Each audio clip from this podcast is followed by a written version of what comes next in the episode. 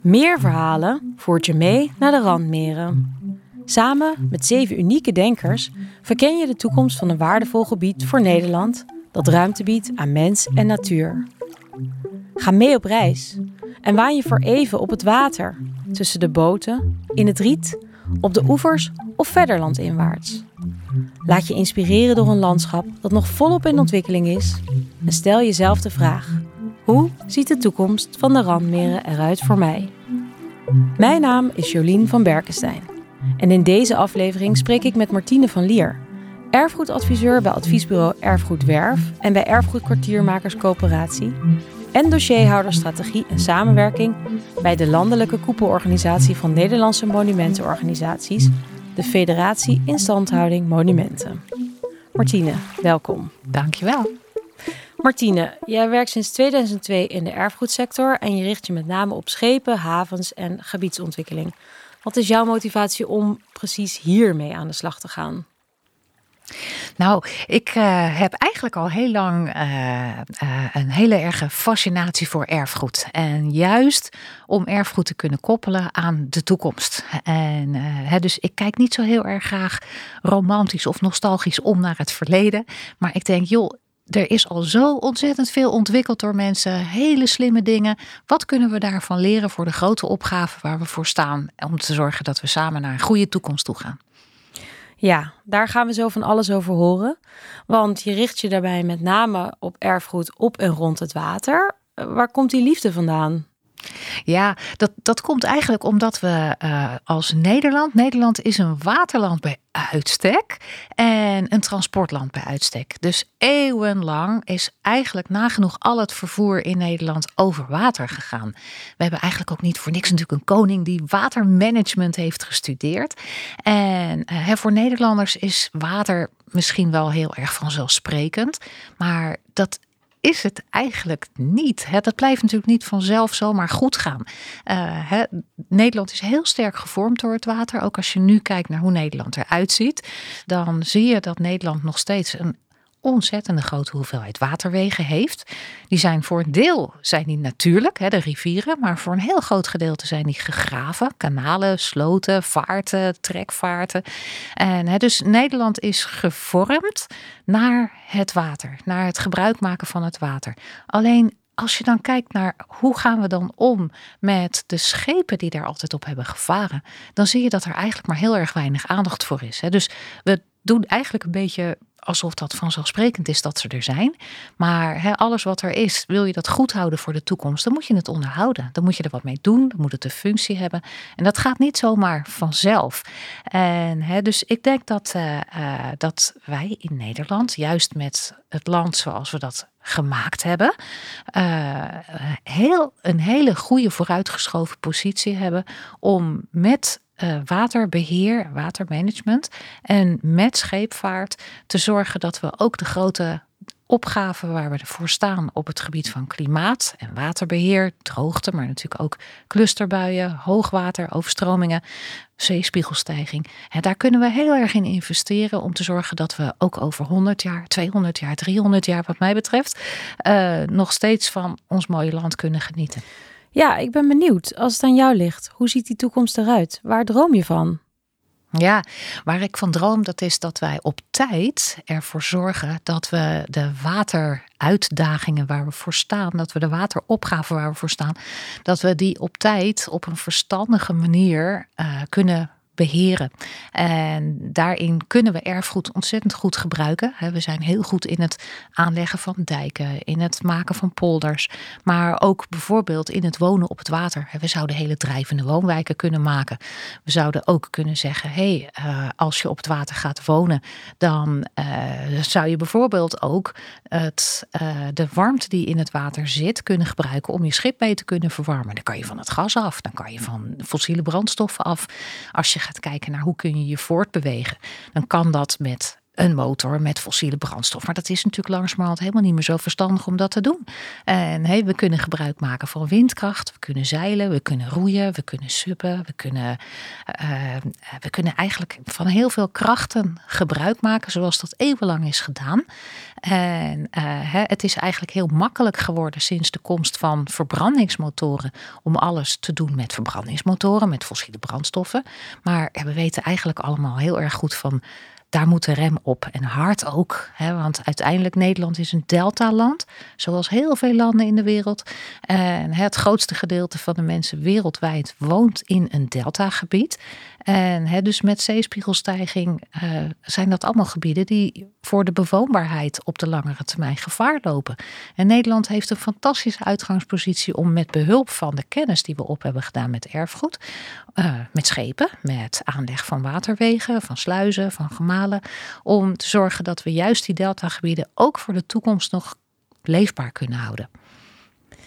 Want veel mensen zullen denken: erfgoed is iets van vroeger, iets dat we willen behouden omdat het van waarde is.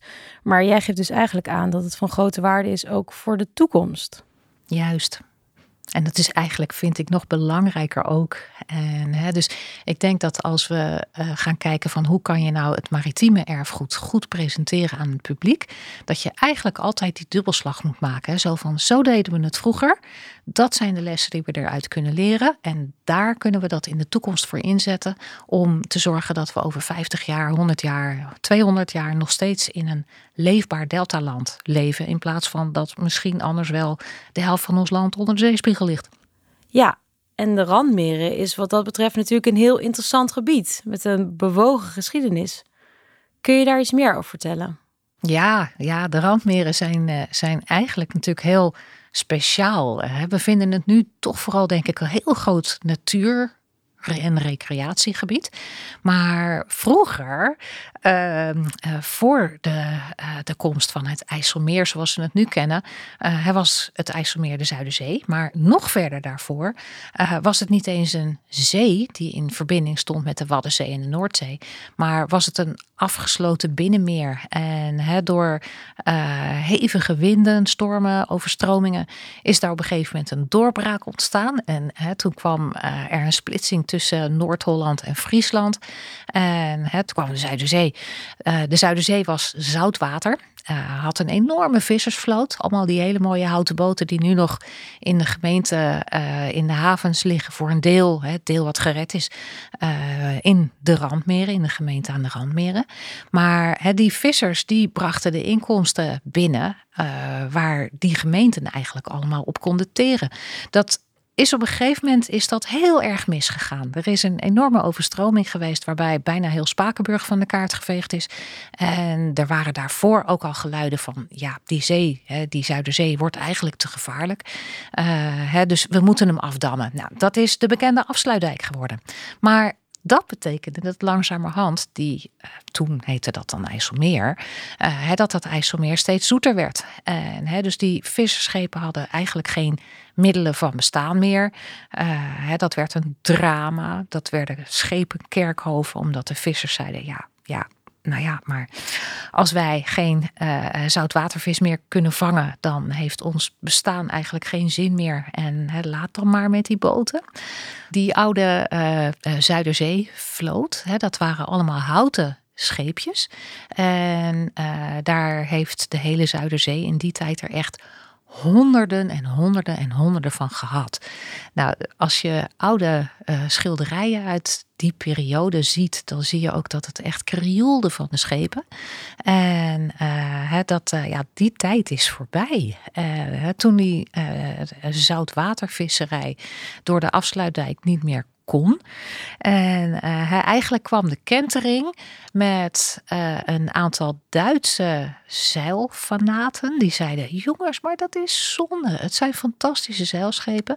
En uh, die zijn begonnen met het opkopen van een paar van die oude visserschepen, van die botters. En uh, die zeiden, joh, maar daarmee moet je met mensen gaan zeilen. Dat is hartstikke leuk.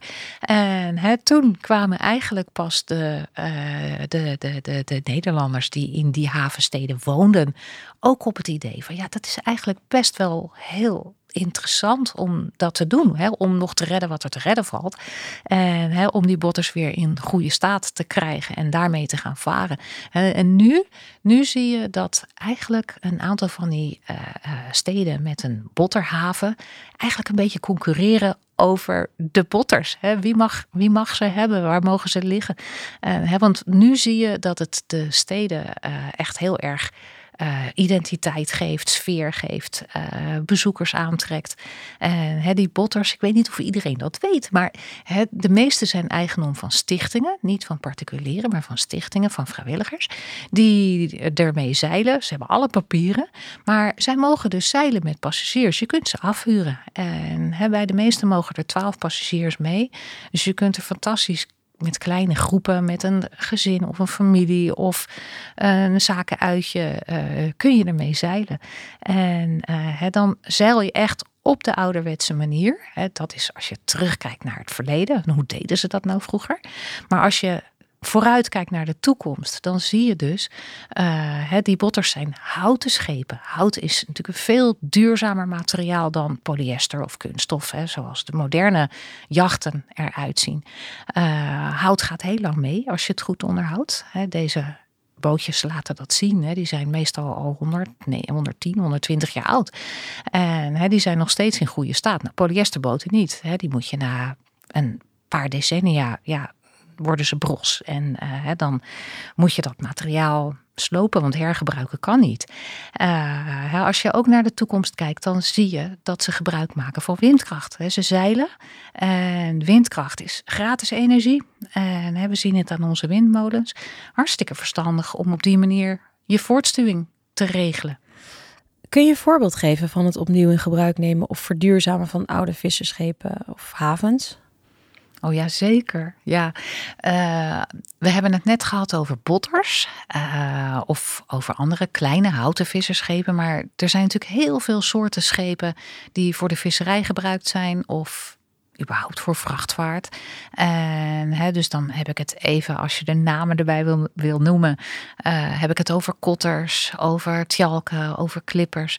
En veel van die schepen die uh, hebben inmiddels ook een nieuwe functie. Die varen ook met passagiers of ze zijn omgebouwd tot varend historisch woonschip. Dat kan natuurlijk ook. En die grote schepen, daar is eigenlijk op het gebied van verduurzaming heel veel meer nog aan te doen. En ze zijn oorspronkelijk natuurlijk allemaal gebouwd met een brandstofmotor die op fossiele brandstoffen draait. Maar een hele kleine stap zou al kunnen zijn om met synthetische brandstoffen te gaan varen, maar is maar een heel klein stapje. Uh, je zou ook heel goed na kunnen denken over het gebruik van een elektromotor en het plaatsen van accu's om op voor te kunnen op, op voor te kunnen varen. Uh, als je de accu's nog een stapje beter zou willen maken uh, qua duurzaamheid, dan uh, kun je ook denken aan accu's zonder zware metalen, zonder zuren. En hè, dan heb ik het bijvoorbeeld over zoutaccu's of zeezoutaccu's. die zijn echt helemaal super milieuvriendelijk. Je kunt natuurlijk ook denken aan bijvoorbeeld ledverlichting, aan goede isolatie, aan een ventilatie systeem wat zorgt dat vocht wat binnen blijft, dat dat op een goede manier naar buiten gaat. Je kunt andere vormen van verwarming kiezen. Je kunt bijvoorbeeld gaan werken met een water-water-warmtepomp om, om warmte uit het buitenwater te halen waar je het schip aan de binnenkant mee verwarmt. En, hè, dus er zijn eigenlijk heel erg veel mogelijkheden om ook de wat grotere schepen en ook de stalen schepen, om die te verduurzamen. Ook weer om te zorgen dat ze er over 100 jaar of wat mij betreft 200 en 300 jaar ook nog zijn. En het mooie is daarbij, uh, als je dit op een wat grotere schaal zou gaan doen, hè, er zijn nu echt een paar uh, hele vooruitstrevende koplopers die hiermee experimenteren. Maar als je dit op een wat grotere schaal toe zou passen, dan betekent dat ook weer nieuwe economie voor die havensteden waar bedrijven zitten die bijvoorbeeld die elektromotoren maken of inbouwen, of bijvoorbeeld die zeezoutbatterijen maken en inbouwen. dus als we uiteindelijk omarmen wat de uitdagingen zijn die we naar de toekomst toe nodig gaan hebben. En we zorgen dat we dat in grotere aantallen kunnen gaan doen. En dan zakken de prijzen van die materialen natuurlijk ook, van die producten. En dan veroorzaakt dat natuurlijk ook weer een nieuwe economie in die havensteden. Uh, hè, waardoor ze weer meer toekomstkansen hebben om naar de toekomst toe ook te kunnen blijven bestaan. Ja, en je geeft ook aan, dat doet ook iets voor het hele gebied. Dus voor de havens, de economie, het ambacht. Hoe moeten we dat zien? Ja, nou dat is wel een hele goede vraag. Want als je nu gaat kijken naar een aantal gemeenten die aan de randmeren liggen. Uh, bijvoorbeeld Huizen, Harderwijk, uh, Spakenburg, wat bij Bunschoten hoort inmiddels. Uh, als je kijkt naar Elburg, naar Kampen, hè, dan zie je dat deze gemeenten eigenlijk steeds meer hun economie ingericht hebben. Uh, natuurlijk niet meer naar die visserij van vroeger, maar wel naar de recreatie die nu met deze schepen uh, georganiseerd kan worden. En het is niet alleen het per se er mee willen varen en zeilen wat helpt. Maar hè, wat daar omheen is uh, gegroeid, dat is een hele uh, economie, een heel maritiem ecosysteem van botterwerven, van scheepstimmerwerven, van uh, bedrijven, ambachtelijke bedrijven, die bijvoorbeeld zeilen maken, blokken maken, touw maken. En hè, dat is natuurlijk allemaal nodig om deze schepen in goede staat te houden en ermee te kunnen varen. En eigenlijk is er een hele nieuwe economie ontstaan voor deze gemeente. Want het varen ermee is al heel erg leuk. Het uh, onderhouden en het kijken hoe mensen dat doen, hoe ze met die ambachten omgaan, is ook heel interessant om te zien. Maar ook de manier waarop ze de havensteden, uh, uh, zeg maar, stofferen. Hè, waarmee die havensteden een havensfeer behouden, zorgt ervoor dat bezoekers die niet eens zelf per se het water op willen, uh, ook al hiervan mee kunnen genieten. Je ziet dat er heel veel toerisme in die havenstadjes is in de randmeren, die gewoon vanwege de sfeer er naartoe gaan en uh, kijken van wat gebeurt er allemaal in zo'n haven, welke ambachten worden daar uitgeoefend, uh, die het alleen al heel erg leuk vinden om te zien dat die schepen de haven uitvaren, weer terugkomen varen. En, dus het, het heeft eigenlijk een complete nieuwe recreatieve economie voor de steden aan de randmeren uh, verzorgd. En is dat iets uh, alleen voor liefhebbers en vrijwilligers of wordt er ook beleid opgevoerd? Nou, wat ik wel heel mooi vind, dat is, uh, we zijn natuurlijk allemaal best heel verdrietig geweest vanwege de coronamaatregelen. Dat vond natuurlijk niemand echt leuk. Maar uh, uh, het heeft er ook wel voor gezorgd dat die schepen die met passagiers varen, dat die toch wat meer ja, de belangstelling gekregen hebben van gemeenten en provincies. want ehm, eh, in die periode, twee jaar lang, hebben ze natuurlijk nauwelijks met passagiers kunnen varen. Hebben ze dus ook nauwelijks inkomsten binnen kunnen halen. En toen bleek dat op het moment dat er geen uh, goede monumentenbescherming voor dit soort schepen is, is het dus ook heel erg ingewikkeld om financiële compensatie te regelen. dus daar is heel erg hard aan gewerkt om dat voor elkaar te krijgen. En dus ja, zeg maar, uh, het was een soort ja, blessing in disguise. Het, was een geluk bij een ongeluk dat door die coronacrisis eigenlijk heel duidelijk zichtbaar geworden is dat dit soort schepen echt ook het nodig hebben dat gemeenten en provincies en het Rijk uh, ook echt een beetje beter voor ze gaan zorgen. In beleid, in bescherming en als het echt bij zo'n ramp als dit nodig is, ook met financiën. Ja, en doet die erkenning van het erfgoed iets met de mensen die er wonen en werken? Doet dat iets voor hun identiteit? Ja, nou wat je ziet, dat is dat uh, de, uh, deze vissersschepen en die vissershavens en die botterwerven, uh, dat zit echt in de genen van mensen. Hè. Dat, dat koesteren ze, daar zijn ze trots op, daar zijn ze mee bezig, daar willen ze zich voor inzetten. Maar wat ik heel knap vind om te zien, het is in eerste instantie natuurlijk echt een schok en een teleurstelling als die oude vorm van visserij, hè, voor de afsluiting met de afsluitdijk, als die uh, niet meer kan, uh, hè, dan zitten mensen natuurlijk wel een tijdje met de handen in het haar. Zo van, oh en wat nu dan? Maar hè, ze hebben uiteindelijk de flexibiliteit opgebracht om te zoeken naar andere toekomstmogelijkheden. Met gebruikmaking van datgene wat er al was. En met de kennis die ze hadden. Uh, met de uh, met de grote voordelen. Uh, het, het, feit dat je met houten schepen vaart, met windkracht, met materiaal wat eigenlijk voorhanden is en wat ook, ook eeuwenlang mee kan blijven gaan. En dus ze hebben de flexibiliteit gehad om zich te vernieuwen. En dat doet het erfgoed eigenlijk ook. Het erfgoed heeft ook die flexibiliteit om mee te bewegen naar de noden naar de eisen die de toekomst stelt.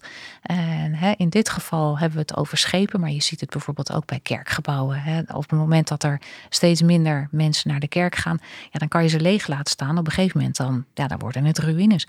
Of je gaat kijken, kunnen we het aanpassen naar een functie waar wel op dit moment behoefte aan is. En hè, dan behoud je het gebouw of je behoudt het schip. En wellicht komt er over 50 jaar of 100 jaar weer een andere uitdaging.